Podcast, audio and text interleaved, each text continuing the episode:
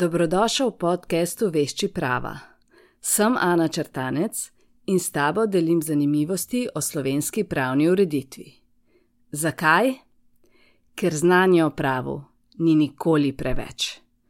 Če ti je vsebina všeč, bom zelo vesela, če se prijaviš na podcast, pustiš kakšen komentar in nasploh podcast priporočiš prijateljem, da se beseda o njem razširi in da dvignemo raven poznavanja prava v Sloveniji.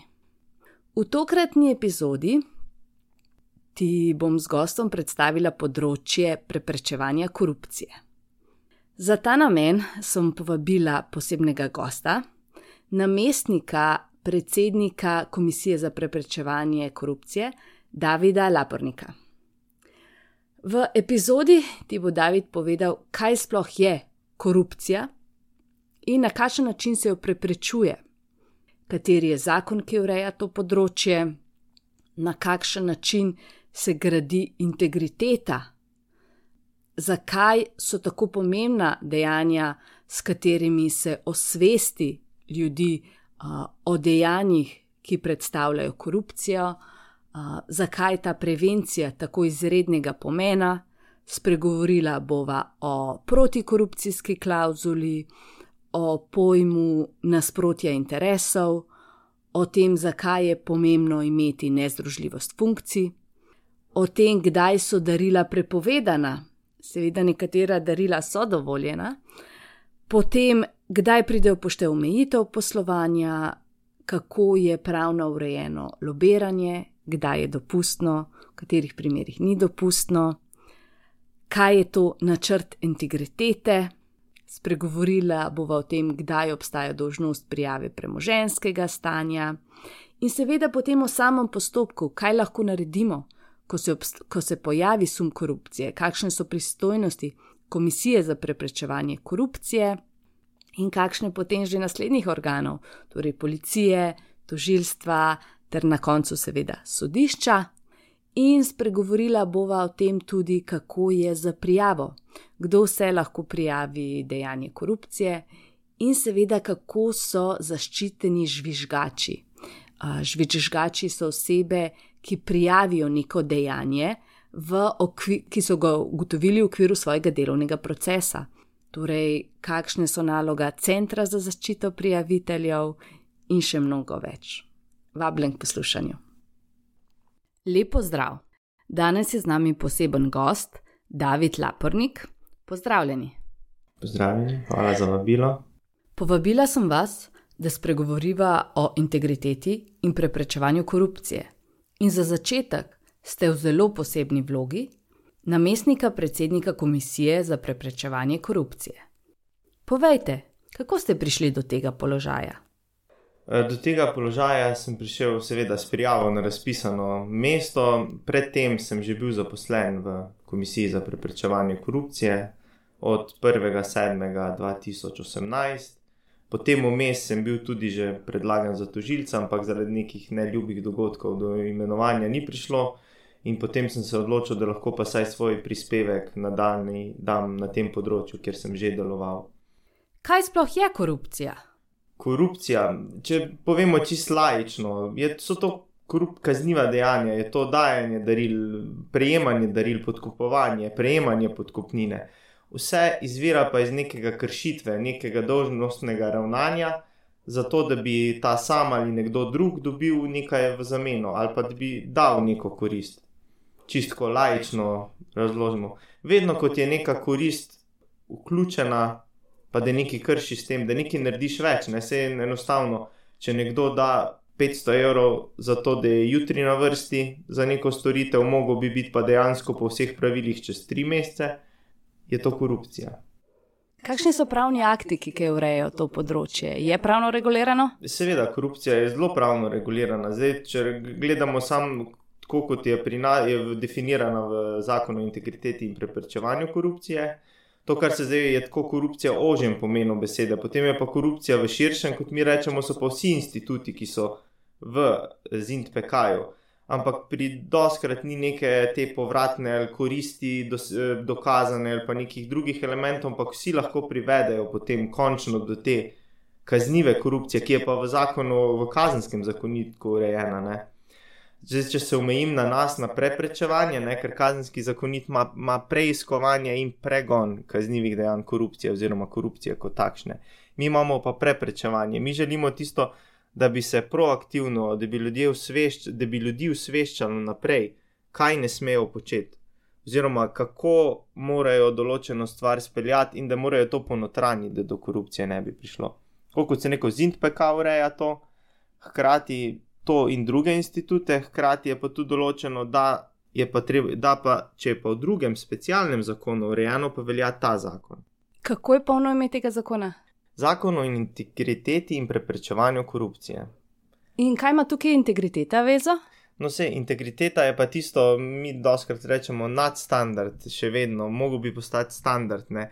Integriteta je pa pričakovano ravnanje, od prej je bilo dolžnostno ravnanje, tle pa pričako, pričakovano ravnanje, seveda uradnih oseb, pa drugih odgovornih oseb, da njihova funkcija, oblast ali pa njihovo pooblastilo ne bo uporabljeno v nasprotju z zakonom oziroma predpisi, splošnimi pravnimi eh, smernicami in pa etičnimi kodeksi. V bistvu, samo po sebi, vsaka korupcija vključuje tudi kršitev integritete integriteta je višji standard kot korupcija. Integriteta je tisto, da delaj tako, kot misliš. Ne? Ne, ne, najhujše je, ko ljudje delajo drugače, kot mislijo, ne? potem se pa hitro ujamejo enkrat. In na kakšen način se pa potem zagotavlja, da delujemo v skladu z integriteto? Tako kot v bistvu sama integriteta največ se do, eh, zagotavlja z našimi proaktivnimi dejavnostmi. Mi smo že zdaj, mislim, da teče tretje leto, ko smo zavodom za šolstvo en projekt, integriteta, skupni cilj generacij. Pač dvojno je, moraš z maj, majhnimi začeti, ker oni morajo to podzavest dobiti, kaj je integriteta, oziroma kaj je dobro, da moraš ne samo dobro misliti, ampak tudi dobro delati. Oziroma obratno je še bolj pomembno, da tudi misliš dobro, ne samo da na vzven dobro delaš. In zdaj nam mislim, da nam kar dobro uspeva, mm, je vključenih že preko deset šol. In tudi želja je, da bi se integriteta kot taka, oziroma v nekih šolskih, v ne vem, matematiki, slovenščini, noter vključile določene zadeve v sam učni proces. Mislim, z malimi je treba, potem pa tudi z velikimi, zato se komisija rada udeležuje vsakih dogodkov. Tudi to danes ne, je ena od stvari, kako preprečevati oziroma krepiti integriteto. Potem so naša priporočila, delavnice, moram povedati da je toliko organov in drugih organizacij se na nas obrača, da dejansko ne moramo izvesti vseh predavanj. Ne, mislim, da imamo celo preko 50 prošen. Wow. Pol je v bistvu ta proaktivna vloga v bistvu najbolj pomembna. Ne? Ja, proaktivna vloga, kot sem prej rekel, ko pride do nečesa, pa se mora policija pa tožilstvo vključiti. Seveda, mi smo tisti, ki primarno dobimo vse te prijave, ne, ker jih imamo na leto 600, čez 600, pa še potem tistih prijav, ki jih ne obravnavamo vsebinsko, ampak še vedno se vsaka prebere in če se kaj ugotovi, kakršen koli možen, tudi najmanjši, moram povedati, naš nivo je zelo nizek in tudi če je najmanjši sum, da bi lahko bilo kaj narobe, odstopimo to policiji. Zdaj, če pogledamo malo, kaj so ta dejanja, ki so lahko ne vem sporna. Zakaj je sporno nezdružljivost funkcij? Mislim, zakaj je potrebna nezdružljivost funkcij? Potrebna čisto osnovi je ker noben ni tako sposoben, da bi lahko na dveh zelo zahtevnih stolčkih sedel. Ker od vseh, od vseh nas dan ima samo 24 ur, kako koli vzameš, več ne moš. In zato je pa tudi nezdružljivost funkcij v ZNPK urejena zgolj za funkcionarje. To so tiste najbolj odgovorne naloge, tiste, ki res tudi ne bi največ časa zahtevali, največ človeka noter. Moramo povedati, da pri tej nezdružljivosti imamo dve situaciji. Eno je samo upravljanje nekega dela, poleg, drugo pa je upravljanje neke funkcije ali pa dejavnosti, kot je v gospodarski družbi eh, ali neki javnem gospodarskem zavodu ali pa v društvu, ustanovi, politični stranki. No, in te tri, ki sem naštel, te tri so dovoljene. E, mogoče tudi zato, da se pričakuje ne vem, od nek nekega poslanca, da ne bo zdaj se izčlanil iz politične stranke, če je imel neko funkcijo že samo po sebi, ker ga je ta funkcija že pripeljala do tja. E, samo upravljanje pridobitne dejavnosti je pa, kaj še mi lahko dovolimo, da upravljaš poleg te funkcije in to je doskrat pedagoška, raziskovalno-znanstvena, potem umetniška, športna. To je pa nekaj, kar si ti prej počel in že samo po sebi doskrat pomeni, da moraš s tem nadaljevati, zato ker moramo vedeti, da funkcije razen tožilcev pa sodnikov so omejene na nek mandat in ti bo spet potem nekam mogel iti, ne razen če boš potem mandate kupičal, ampak slejko prej se to neha. Ne? In zato je smisel te pridobitne, pridobitne dejavnosti kot take, da ti ohranjaš stik s tistim, kar si prej počel in kar boš kasneje počel. Pa lahko poveste na kakšnem primeru, torej, kaj naprimer poslanec ne sme delati? No, poslanec je en tak primer, ko je, kot sem prej rekel, z NPK velja, če ni v drugih zakonih drugače urejeno. In ravno nezdružljivost je en tak super primer, ker je toliko drugih zakonov, ki tudi ureja nezdružljivost in mi že apeliramo, ampak čist preprosto, kaj poslane, če gremo na ta 27. člen, ker to se tudi na zakon uporablja kot tak. Poslanec ne sme biti direktor neke družbe gospodarske. Lahko je, eh, lahko je lastnik, to ima vsa upravičenja, tudi eh, skupščino, na skupščini vsa upravičenja, ne more biti pa zakoniti zastopnik ali pa tudi prokurist ne more biti ne more biti v nadzornem svetu te gospodarske družbe. Zdaj tudi ne more biti, ne more biti samostojni podjetnik, ker ima zakon noter tudi, da preprečuje druge osebe javnega in zasebnega prava. In po našem mnenju je tudi samostojni podjetnik oseba eh, zasebnega prava. Eh, potem ne more pa tudi upravljati neke dejavnosti, za katero bi pa seveda mandatno volilna komisija, ker je ona primarno pristojna za tiste dejavnosti, ocenila, da je v neskladju z zakonom o poslancih. Je pa res le zelo konfuzen sistem, ker neki eni presojamo, neki drugi presojajo, ni v popolnosti urejeno in mi bi si zelo želeli, da bi bilo tako za funkcionarje, kot tudi za uradne osebe, ker za uradne osebe pa sploh nismo pristojni in je to zakon o javnih uslužbencih, stoti člen je pa spet svoj svet zase in potem smo mi določene situacije strože obravnavali, oziroma več zahtevamo od delodajalcev, ker oni morajo tudi dovoljenje v določenih primerjih izdajati, kot se to zahteva za javne uslužbence. Eh, deluje kar zelo zapleteno področje. No? Ja, deluje zelo. Ali pa recimo primer, kot je bil zdaj aktualen v zadnjem mestu, državni sekretar, občinski svetnik. Dejansko tle moramo te dve funkcije z obeh eh, gledišč gledati, tako iz gledišča občinskega svetnika, kot z gledišča državnega sekretarja, ne, ne zgolj ene. In potem občinski svet je najvišji organ upravljanja občine, občina pa oseba javnega prava in zato ne sme biti iz te funkcije državnega sekretarja navzdol. Kako je pa zdaj z darili? Zakaj je sporno prejemanje daril? Prejemanje daril je sporno zgolj v dveh situacijah. Bom rekel, samo po sebi ne. Zdaj prva je, če nekaj prejmeš in tega sploh ne prijaviš in bi mogel prijaviti, drugo pa je, no, v bistvu iz treh. Če prejmeš prepovedano darilo, ker bi ga mogel v osnovi zavrniti, smo več tudi eno situacijo. Kaj pa je to? Prepovedano, ne vem, denar sprejmeš. Denar je v osnovi prepovedano. In bilo je že tudi eno vprašanje, ko je oseba sprejela denar, kaj ne pa se sedaj naredi, ker ga on noče več sprejeti, oziroma lahko je tisti tudi anonimni ne veš, sploh kam vrniti. Uh, in pa tretje je, da sprejmeš darilo, ki presega tisto vrednost uh, daril, ki jo lahko sprejmeš. Jaz rečem, da pri darilih je tako PP, ne, so priložnostna, pa protokolarna, pa so pa una simbolna, kjer pa tudi spadajo promocijska noter, tako PPSP si lahko darila, eh, zapomne človek. In kaj zdaj nareš, če dobimo neko darilo? Je čisto preprosto. Pri vsakem organu je ena odgovorna oseba, ki vodi ta seznam. Zdaj, tako bom rekel, če je to darilo za poroko, rojstni dan, rojstvo otroka, to niso To so ta simbolna darila, ki so izključena iz obveznosti poročanja. Če je to neko protokolarno darilo ob obiskih drugih državnih uh, uradnikov, ustanov, je to darilo že v osnovi last organa in se ga je treba popisati. Potem imaš, pa imamo pa to nad 50 evrov, je treba tudi popisati, ampak jaz sem tako rekel, v dvomu se vedno popiše tako kot rečem, v dvomu pri lobiranju, ko bomo tudi če vredno kaj povedala, se vedno poroča o lobističnem stiku. Ker vedno je boljš, zato pa tisto eh, namen komisije in vseh teh je povečanje transparentnosti. In boljše biti transparenten, ker če si transparenten, se vidi, da nič ne skrivaš. Zdaj, ja, deva peva na to lobiranje. Kaj sploh je to lobiranje, lobiranje pa kdaj je dovoljeno, kdaj ni dovoljeno? Preprosto, lobiranje je vplivanje na neke odločitve državnih organov, organov lokalne samouprave in drugi pri sprejemanju splošnih eh, nekih aktov, potem še piše in drugih zadevah, in kasneje pa zakon tudi pove, kje je naj. In tle en lep primer javnega naročanja. Ne? Ko je enkrat javno naročilo objavljeno, ne more več iti za lobiranje, ko je pa javno naročilo še v fazi priprave ko, pa se, ko je pa odvisno zdaj, ali bo on dal nek kriterij, da bo lahko se jih deset prijavilo, ali pa nek kriterij, ki bi se lahko samo moja družba prijavila ali pa ga izpolnjevala.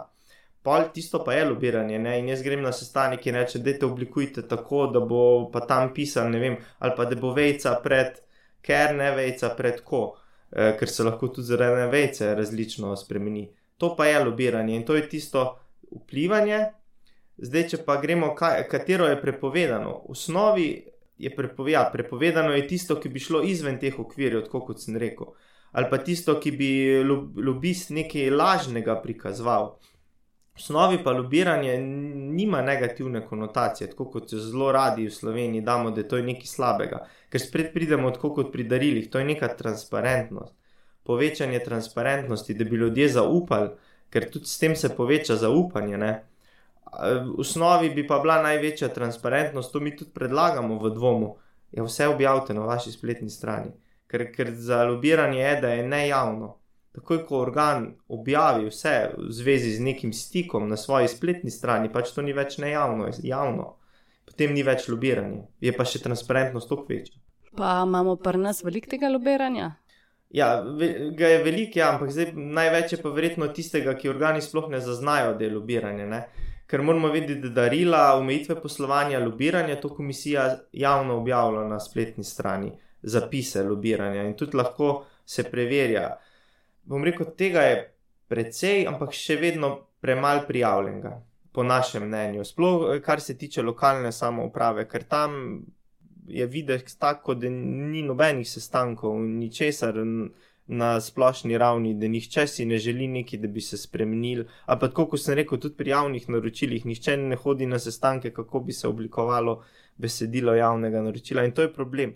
Zato mi zelo proaktivno poskušamo, smo že pristopili, izvedli delavnice. Ampak tist, na drugi strani je pa tudi problem proaktivnosti na njihovi strani. Ker če izvedeš delavnice, kjer pričakuješ, da jih bo prišlo, ne vem, 300, pa jih pa pride 20, Ja, pa ni ta zgovčinka. Ni ta zgovčinka, sedaj mi doskrat zadnje čase, da nismo učinkoviti, ne? smo uspešni, smo dobri, pa ta učinkovitost, to je tisto. Zdaj, zakon omenja tudi, da v nekaterih primerjih je treba prijaviti premožensko stanje. Kdaj pa obstaja ta dožnost? Ja, dožnost premoženskega stanja je za zavezance, ki so zelo široki. Tudi če se navežemo nazaj na, na javno naročanje, tudi tisti, ki so osebe odgovorne za javna naročila, morajo prijaviti, seveda, vsi funkcionarji, potem tudi zakoniti zastopniki, potem tudi člani uprav, pa nadzornih svetov. Eh, kdaj morajo ob nastopu funkcije, seveda, in pa potem spet vsako spremembo. Jaz priporočam spremembo, se prijavlja čim hitreje, ko nastane, ker zakonska osnova je najkasneje do konca januarja naslednjega leta. Ampak iz same previdnosti, da se to ne pozabi, je boljš prijaviti čim prej in upraviti to svojo dožnost, ker s tem tudi ti svoje premoženje kontroliraš, da je res imaš takšnega, kot si ga prijavljal. Kasneje pa tudi ob vsakem prenehanju funkcije in še eno leto. In zakaj sploh obstaja ta dožnost? Ta dožnost je prvi zaradi transparentnosti, drugič pa tudi, tako kot imamo, vse, vse spremembe se javno objavljamo, je to tudi nek nadzor javnosti nad premoženjem zavezancev. Dožnost pa je zato, da se ne bi skrivalo, ne spet, eh, tako kot ste rekel, pa tisto, kar je krepitev pravne države. Ne. In pa transparentnost, v bistvu te se pri vseh institutih pojavljajo in je pomembno. Je pa res, da premožensko stanje se elektronsko prijavlja, elektronski obrazec, zdaj smo v prenovi sistemov, si želimo tudi za vse ostale institute narediti na ta način, da je bližje zavezancev, da imajo manj papirologije. Sicer za ene je teže, ker tudi niso vsi tako vešči računalnika. Sploh za starejše generacije. Sploh za starejše ja, generacije, ampak gre pa svet v to smer. Ja, absolutno. Zdaj, kaj pa to nasprotje interesov? Nasprotje interesov, no to je pa mogoče institut, ko se ga od vseh teh še največkrat pojavlja pri nas. To so pa dejansko okoliščine, da nek tvoj zasebni interes vpliva ali pa zbuja videz, da vpliva na objektivno ali pa nepristransko upravljanje tvojih javnih nalog. To je lahko še povem, kaj je zasebni interes, pa pa na par primerih, ker bo bolj zanimivo. Zasebni interes je pa dejansko je neka premoženska, nepremoženska korist, ki jo želi ali zase ali za drugega, s katerim si bodi si v, druži, v, druž, vse, v družinskih stikih, potem imamo pa še te osebne, politične, pa ekonomske stike. Zdaj, kaj je to? Najbolj preprost primer je spet iz lokalne ravni, tam imamo največ primerov, ko občinski svetnik glasuje zase, da bo on najbolj primeren kandidat za direktorja javnega zavoda. In še bom rekel več, ne samo glasuje, še razpravlja o tem, da je pa on res najboljši. E, to je tak čist tipičen primer in tudi ugotavljamo, da ljudje najmanjkrat zaznavajo to, da so dejansko v nasprotju interesov, ker jim je vse tako enostavno, logično, vse zakaj pa ne bi smel, vse to pa ni nič hudega. Itak bom zase glasoval. Itak bom zase, ja. Ampak s tem, ko zase glasuješ ali pa sploh razpravljaš, vplivaš tudi na ostale. Ne?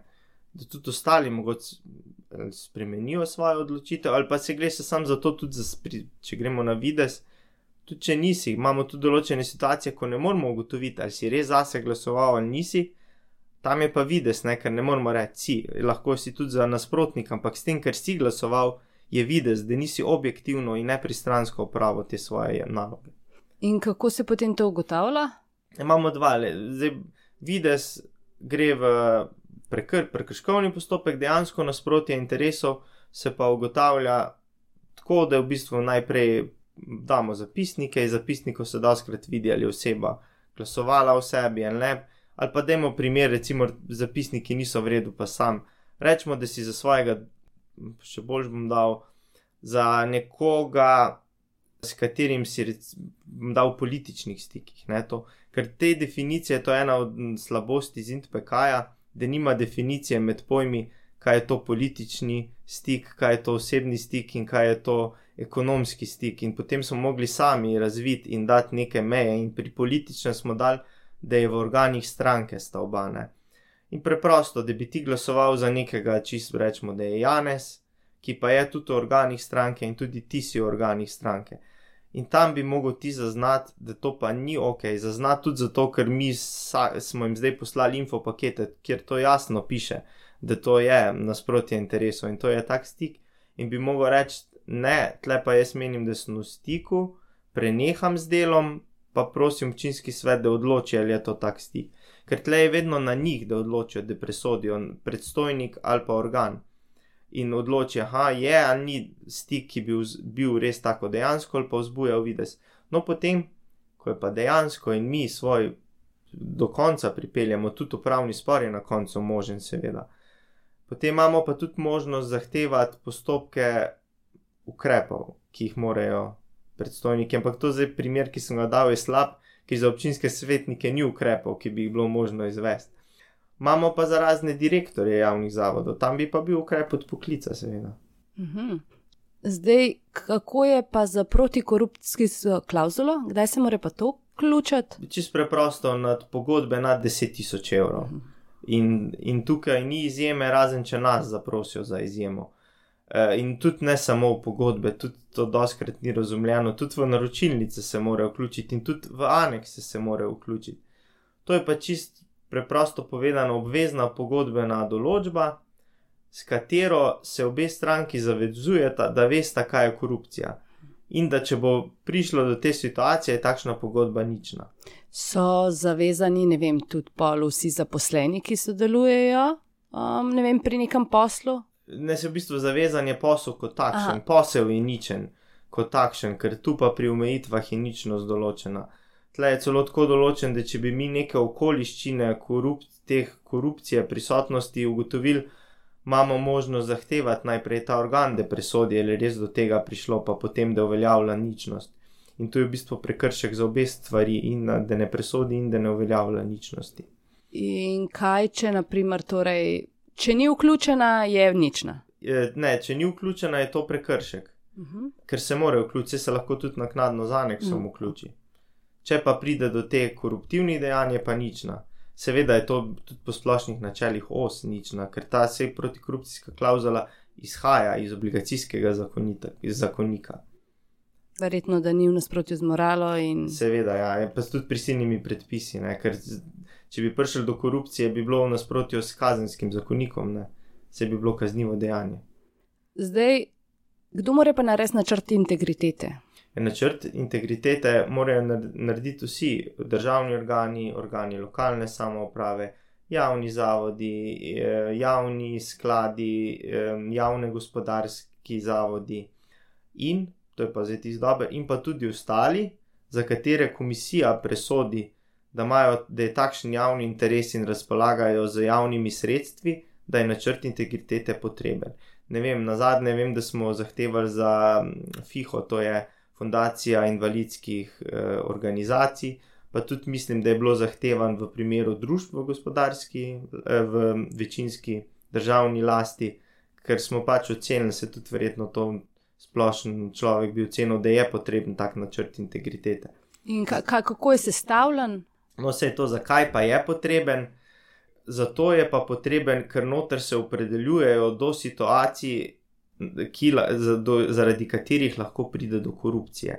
In kakšno je tveganje v posameznem organu, da lahko pride do, korup, do tak to vrstne. Ker moramo vedeti, nek organ, ki razpolaga z denarjem ali pa ki neki plačilnimi sredstvi, ima veliko večje tveganje, da, nastane, da pride do korupcije, zato ker je nekdo dal 100 evrov več od tistega, koliko bi mogel plačati, kot nek organ, ki samo, če temu rečemo, tako odločbe izdaja glede teh plačilnih sredstev, ali pa nima stika.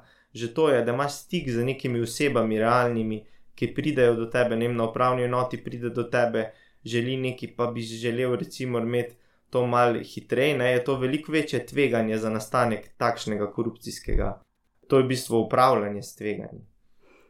In zdaj, kakšna je pa vloga KPK-ja vsem tem? No, se naša vloga je pa se zdaj v bistvu en cel kup institutov je bilo, ker je res naše področje tako široko, da če bi podrobno šli vsak institut, bi verjetno več oddaj mogli poslušati. Ja, zagotovo. Ja, naša vloga, kot sem že prej, je to čist iz ustave izhaja krepitev pravne države. To je zelo, rekel, tako abstraktna vloga, ampak je pa potem zelo konkretizirana naprej, ker v bistvu to predstavlja samo krepitev transparentnosti, potem krepitev integritete, preprečevanje korupcije in pa preprečevanje nasprotja interesov.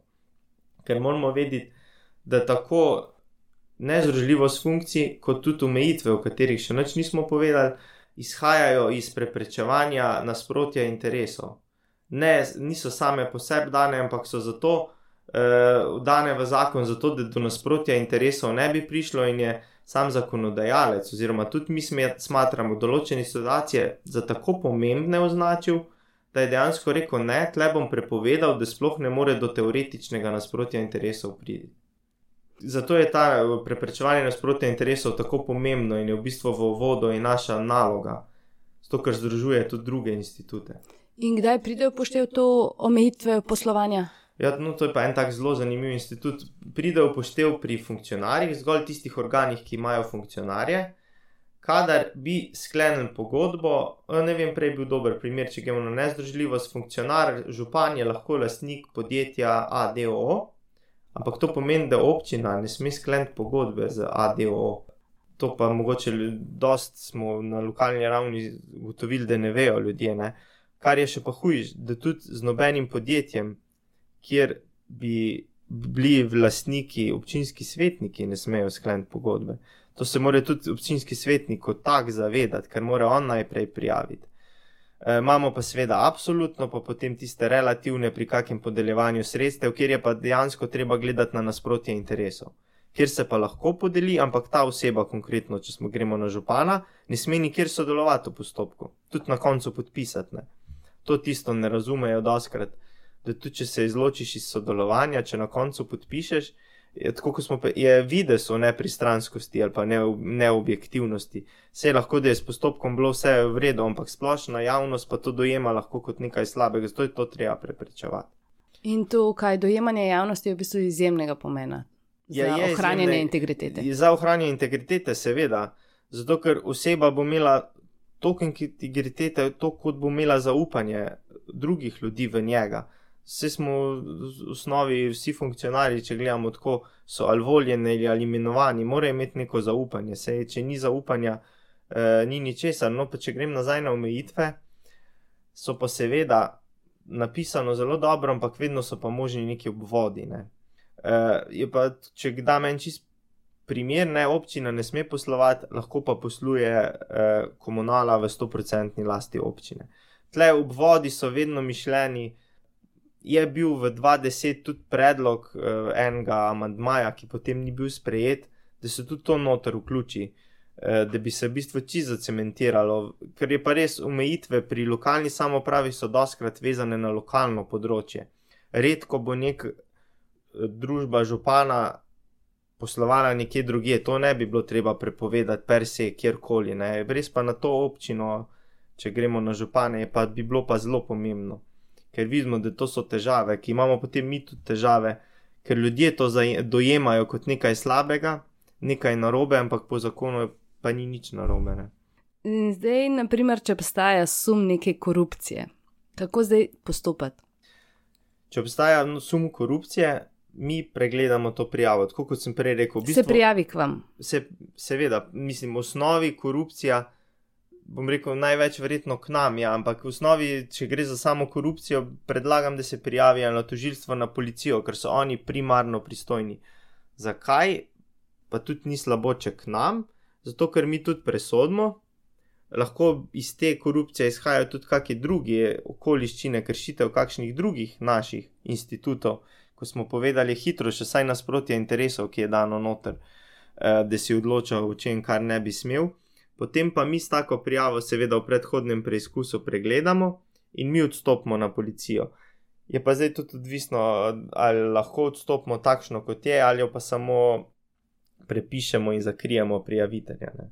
Mhm. E, je pa to, zdaj pa če bi pa korupcija je malce specifična, ne, ker smo za preprečevanje korupcije, ampak z novelo so naše pristojnosti, kar se tiče korupcije, bolj omejene, ne, ker imamo bolj odstopajmo, če pa že, pa izdajajte načelna mnenja.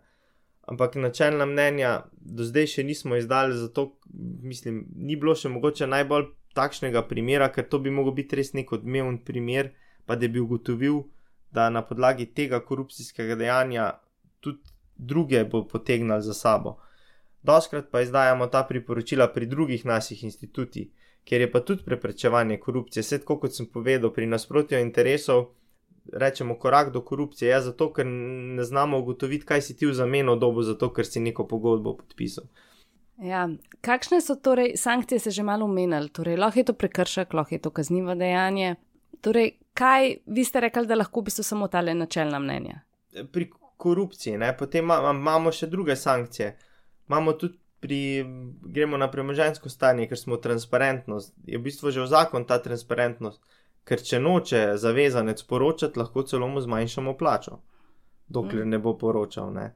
Zato je še ta, da, da res more poročati in da mi vidimo še tako bolj izraženo. Potem imamo člen, kjer lahko zahtevamo eh, od eh, pristojnih nadzornih organov, da izvedejo nadzor. In zakaj sem dal zahtevamo? Zato, ker ne morejo samo reči ne, pa da to predal, ampak morajo v določenem roku nam odgovoriti, zakaj ne in to utemeljiti. Ampak do zdaj mislim, da je bilo vedno, da so izvedli ta nadzor, ko smo dali. Potem imamo možnost tudi računskemu sodišču predlagati nadzor. In pa tako kot se neko imamo možnost predstojniku, da izvede ali disciplinske ukrepe ali pa druge ukrepe. So v bistvu te pristojnosti, bom rekel, široke, ampak mi vedno rečemo še premalo široke, ker ugotavljamo, da nismo učinkoviti, ne? sploh na področju funkcionarjev, voljenih funkcionarjev, tam smo zelo šipki. Kako bi se pa sploh lahko zagotovili to učinkovitost? Ja, tudi mi dosti razmišljamo, zato ker je bilo dosti v medijih, da se bo zakon drugo leto odpiral in tudi sami želimo proaktivno k temu pristopiti. Za eno naš inštitut smo že poslali Ministrstvo za pravosodje naš predlog, kako se more spremeniti. In tudi za ostale, ne vem, le, tukaj smo zelo v distinkcijah. Eh, kaj bi bilo najbolj primerno, ali prekrški, ali neke druge sankcije, ali, ali sankcija, da omejitve pasivne volilne pravice. Ne. Kaj to pomeni? Pasivna volilna pravica je um, kandidirati na volitvah. Mm. Bi, to, ta sankcija bi bila najbolj učinkovita, verjetno od vseh unih sankcij, da naslednjih pet let ne moreš kandidirati, ne?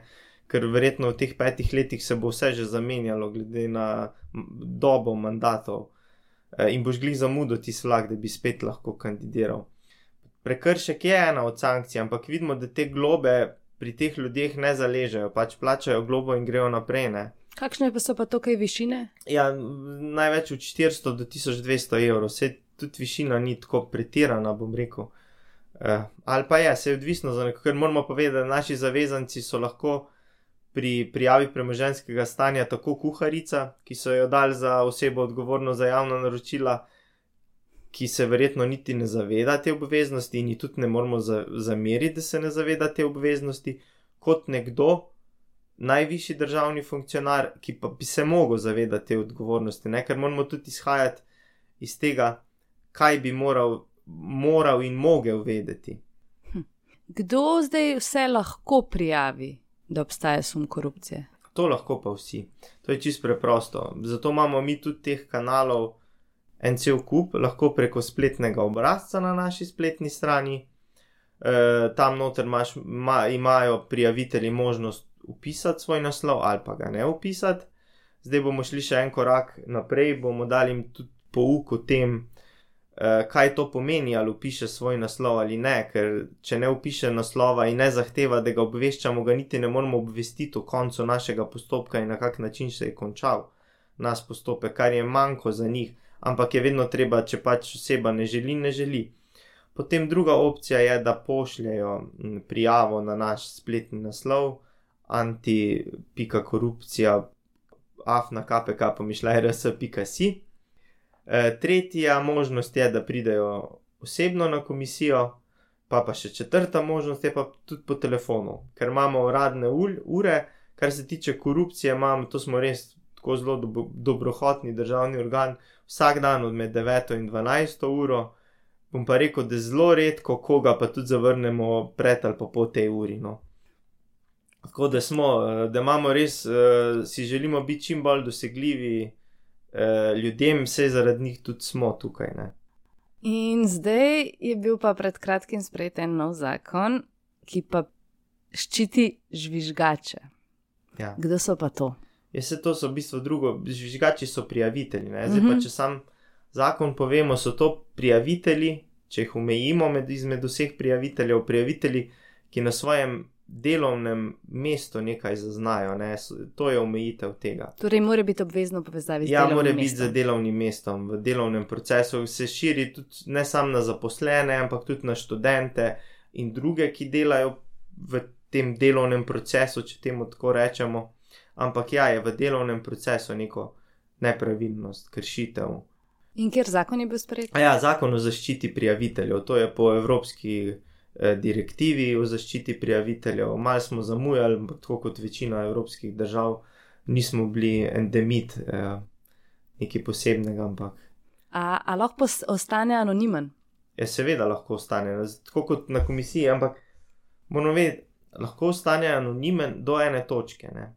Če se bodo zoper njega začeli izvajati povračilni ukrepi in bo on še vedno želel biti anonimen, dejansko mu komisija ne bo mogla izdati potrdilo, s katerim bo on lahko uveljavljal svoje pravice, ker ne moreš eh, napisati anonimnemu izdajam potrdilo, ampak tam se bo pa mogel potem razkriti, ker tam bo pa mogel biti konkretna oseba z imenom, pa priimkom, kdo je, da bo lahko vse te pravice, kot so brezplačna pravna pomoč, eh, potem eh, eh, nadomestilo za vse čas trajanja sodnega postopka potem tudi bo mogel povedati, zato ker sodni postopki, pri katerih je ta eh, prijavitelj kot tak dobil povračilne ukrepe, se morajo prioritetno hitro obravnavati, in če ne bo on imel tega našega potrdila, da on je res prijavitelj po tem zakonu, ne, ne bo imel teh ugodnosti. Ne.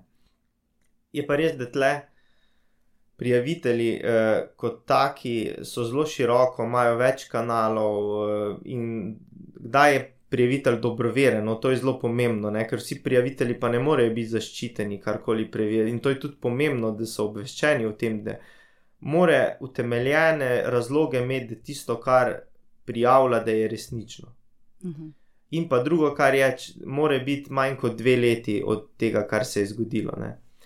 Čist banalen primer, ne morem zdaj, zdaj nekaj prijaviti za deset let nazaj, ker sem se šefom skregal, ampak je šef pred desetimi leti mi neko grdo besedo rekel, ki bi lahko bila kršitev delovno-pravne zakonodaje. Ali pa je nad mano imel trpinčenje, ampak sem jaz takrat bilo vse ok, pa pa na nekem, nekem mestu, zdaj rečemo čez deset ali pa še več let sem pa ugotovil, da ja, to pa zdaj res ne bo. Ne. Neka distinkcija mora biti, so pa vedno, kar pa je, je pa tudi prijavitelji so zaščiteni tako po našem zakonu, ki smo ga prej omenili, kot tudi po zakonu o kazenskem postopku. V bistvu tle so vsi združeni, kar se tiče delovnega procesa oziroma delovnega okolja. In zdaj, naprimer, da ta um, oseba na delovnem mestu zazna nek sum korupcije, kakšni povračilni ukrepe so mišljeni? No? Povračilni ljudski, ja, največkrat, ja, vse to. Bom sum korupcije je slab, zato ker bi, če bi zaznal sum korupcije, to je kaznivo dejanje, ko sem vam mogoče pogovarjala o teh, kdo to obravnava, eh, mogoče kakšni povračilni, no, moram povedati, da v zakonu so primeroma našteti.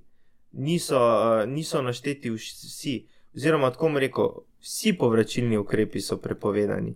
In tudi samo poskus povračilnega Eh, ukrepa ali pa grožnja s povračilnim ukrepom je prepovedano. Ampak najbolj, tist, najbolj znan povračilni ukrep je ali disciplinski postopek ali pa izredna odpoved, direktna pogodba o zaposlitvi. In to, to je nekaj čist nedopustnega. Je pa res lahko tisto, kar pa treba tle povedati, da doskrat imamo eno plat zgodbe, treba je potem vse plati zgodbe poslušati. Ne? Zato je tudi pri teh postopkih, da morajo biti hitri in potem sod, na sodni ravni. In za ta namen je bil, za zaščito prijaviteljev, je bil tudi uveden en poseben center za zaščito. Čemu pa to služi? Ja, moramo videti eh, center za zaščito prijaviteljev, če se vrnem mogoče en korak ali pa dva nazaj, da imamo dve, dve, dva kanala prijave. Imamo notranjo prijavo, pa zunanjo prijavo. Notranjo prijava, ta je, bom rekel, primarna prijava, kjer ima zaupnik sprejema to je nekdo, ki ga pač postavijo. In to so vse prijave, razen tistih, kjer bi prijavitelj ocenil, da ta notranja obravnava prijave ne bo uspešna, ali da se bo ustrašil, da če bo notranje prijavo, bo že povračilni ukrepi, eh, se, ali pa če se samo obrne, lahko pa ni. Zdaj, eh, notranjo potem je pa zonanja prijava, kjer je pa 24 organov, zdaj pa če so bili tam primeroma, so pa tle izredno navedeni, taksativno. To smo pa tudi center za zaščito prijaviteljev, pa potem vsi inšpekcijski organi, DEKOM, računsko sodišče, Banka Slovenije. Eh, lahko se pa tudi na nas. No, torej, lahko se, kar, če grem zdaj pa nazaj na center. Center je kot zunani, eh, zunani kanal za zaščito prijaviteljev, lahko kot samo prijavo. Potem, kar je pa tista bolj pomembna, je pa to, da nudi svetovanje prijaviteljem, potem, kot sem rekel, izdaja to potrdilo, potem nudi podporne naloge, to so zlasti psiholož, psihološko svetovanje, seveda ne izvajamo to mi, mi damo naprej, napotimo ga na ustrezen organ. Potem, kar je pomembno, da izdajamo svetovanje tudi eh, zaupnikom, tudi zaupniki morajo biti poučeni, potem v tej fazi, ko zakon še v bistvu velja, ne uporablja se še, ker imajo to prehodno obdobje pa damo tudi razne delavnice, izvajamo za družbe oziroma vse ostale zavezance, ki bojo mogli te notranje poti eh, vzpostaviti. Moramo vedeti, da to so vsi, eh, vse družbe, ki imajo nad 50 zaposlenih, jih je pa kar nekaj, potem nad 10 je še en pogoj za družbe, ki se ukvarjajo z zdravstvom in pa z eh, vodami in pa z odpadki, in pa potem vsi državni organi, vse lokalne samoupravne skupnosti no, kaj se še komisija, komisija tudi za statistiko skrbi, skrbi za, tudi za te vse ostale zunanje prijavne organe, svetuje tudi njim, ne samo družbam, tudi tem 24 oziroma 23. Iz delavnice izvaja proaktivno, Vse to, to je zaenkrat, ampak se tudi to, kaj komisija vse dela, se bo še naprej izkristaliziralo, kje je potrebno največ napora vložiti. Trenutno je to delavnice za in za družbe, vsak, ki izrazi interes, smo pripravljeni predavati. Zdaj, če se gotovi, da je naprimer, ta prijava bila utemeljena, se potem sproži postopek. Po kakih pravilih se to vodi, kjer sodišče je potem pristojno? Je zdaj odvisno, kakšen je bil povračilni ukrep. Ne? Če je bil povračilni ukrep odpoved eh, delovnega razmerja, je to delovno in socialno sodišče. Če je bil pa kakšen drug ukrep, sem zdaj pa niti se ga ne znam spomniti, je lahko bi bil ukrep čisto škodninski. Ne? Mogoče, če me kakšna škoda zaradi tega nastane. Ja, ali, ja. Pa, bi, ali pa da bi delodajalec v civilni pravdi od tebe zahteval nekaj, bi lahko dal ti nasprotni zahtevek. Ne? Ampak to, to je zdaj na teoretični ravni, ki bi jo bilo treba preizkusiti. zdaj, če greva nazaj na sama um, korupcijska dejanja, torej zdaj se ugotovi, da obstaja res sum korupcije. Ja. Kjer sodišče pa za to, v tem primeru? No, se, za sum korupcije je pa kazensko sodišče. Zato mi, eh, bom rekel, tako bom rekel, najprej. Ne bom rekel, ne da preizkujemo, ne da preganjamo, ampak zaznavamo korupcijo. Uh mhm. -huh. In ko mi zaznamo korupcijo, odstopimo, in potem mora biti najprej eh, policija svoje delo, tožilec v okviru tudi usmerjenega pregona, potem je sodišče. Ali je krajno okrožno ali je kakšna uh, ja, pa, pristojnost? Za korupcijska kazniva dejanja bi, bi skoraj za vsa verjetno je okrožno sodišče pristojno, ker je tudi njihova zagrožena kazen takšna in so že sama po sebi eh, pomembna. Ni pa v Sloveniji nekih specializiranih sodišč za to vrstne primere. So noter oddelki, ni pa prav sodišča. To je bil tudi en od idej v preteklosti, da bi bilo prav posebno sodišče specializirano za najhujša kazniva. Tako kot je specializirano državno tožilstvo, da bi potem samo eno sodišče specializirano obravnavalo. Zdaj, za katero dejanje korupcije bi bila, naprimer, zagrožena zaporna kazen? Seveda, to, če, za vse, kar sem prej podkupovanje, to so tako izprijena, bom rekel, dejanja. Je pa res, da so pa v zgodovini človeštva že stalno prisotna. Ne? Zato je naš, naša borba s tem tako težka. Imajo ljudje že mentaliteto. Imajo ljudje že mentaliteto, da če pa nekaj kdo dobro naredil, ne, je pa treba nekaj dati. Ne? In, in to je ta problem. Zdaj, če pa gremo kot sem prej rekel, korupcija za osta, vsa ostala naša institute, o katerih smo se danes pogovarjali. Uh, integriteta, nasprotje interesov, nezdružljivost funkcije, pa da odstavimo prekrške, ker za prekrške so okrajna sodišča, prekrškovna pristojna, za druge pa upravno sodišče Republike Slovenije. Ko pa moramo vedeti, da pa na nek način daje tudi težo, zato ker mi nimamo uh, drugostopenskega pritožbenega organa, ampak gre direktno v upravni spor, kar tudi pomeni, da je neka teža, ker upravno sodišče v rangu je nekje v rang višjega sodišča. Ne? Ja. Po pomembnosti je pa res, da se trudimo s tem proaktivnim, tako kot sem že rekel. Ne? Ker če bomo izkorenili oziroma osvestili uh, integ z integriteto ljudi, potem sem prepričan, zagotovo, da tudi korupcije ne bo in z ostalimi našimi instituti. Ker če bi vse naše druge institute ljudje prav upoštevali, pa tudi korupcija ne bi bilo zaradi tega, bi kaj drugega bilo. Mogoče za konec je kakšen vaš nasvet, kako zdaj oseba ravna, ko zazna, da je mogoče neko dejanje koruptivno, ali pa kako se izogniti temu, da nekdo bi, na, da bi poskušal, da je vključil dejanje korupcije, kako se pol temu izogniti? Je v bistvu najlažje se izogniti, da zavrneš takšno dejanje v osnovi. Zdaj, če to ne gre, ne, da ti nekdo samo, rečemo, temu koverto v roko porine in gre, potem, kot sem rekel, to je treba prijaviti najlažje na najbližji policijski postaji, ker tam lahko tudi boš ta, to koverto izročil, ne, ker bo dokazno gradivo. Lahko tudi nam, sami s to koverto, iskreno povedano, nimamo kaj delati, ker je policija pristojna. Je pa ja, ljudje, ki to zaznajo, naj prijavljajo. Ker važno je, da vemo, katere so ti, če tako rečemo, čisto strokovno modus operandi, eh, zato da lahko mi ljudi usveščamo. Ne? Ker najbolj tista, kar jaz smatram, je preventivna dejavnost, so priporočila.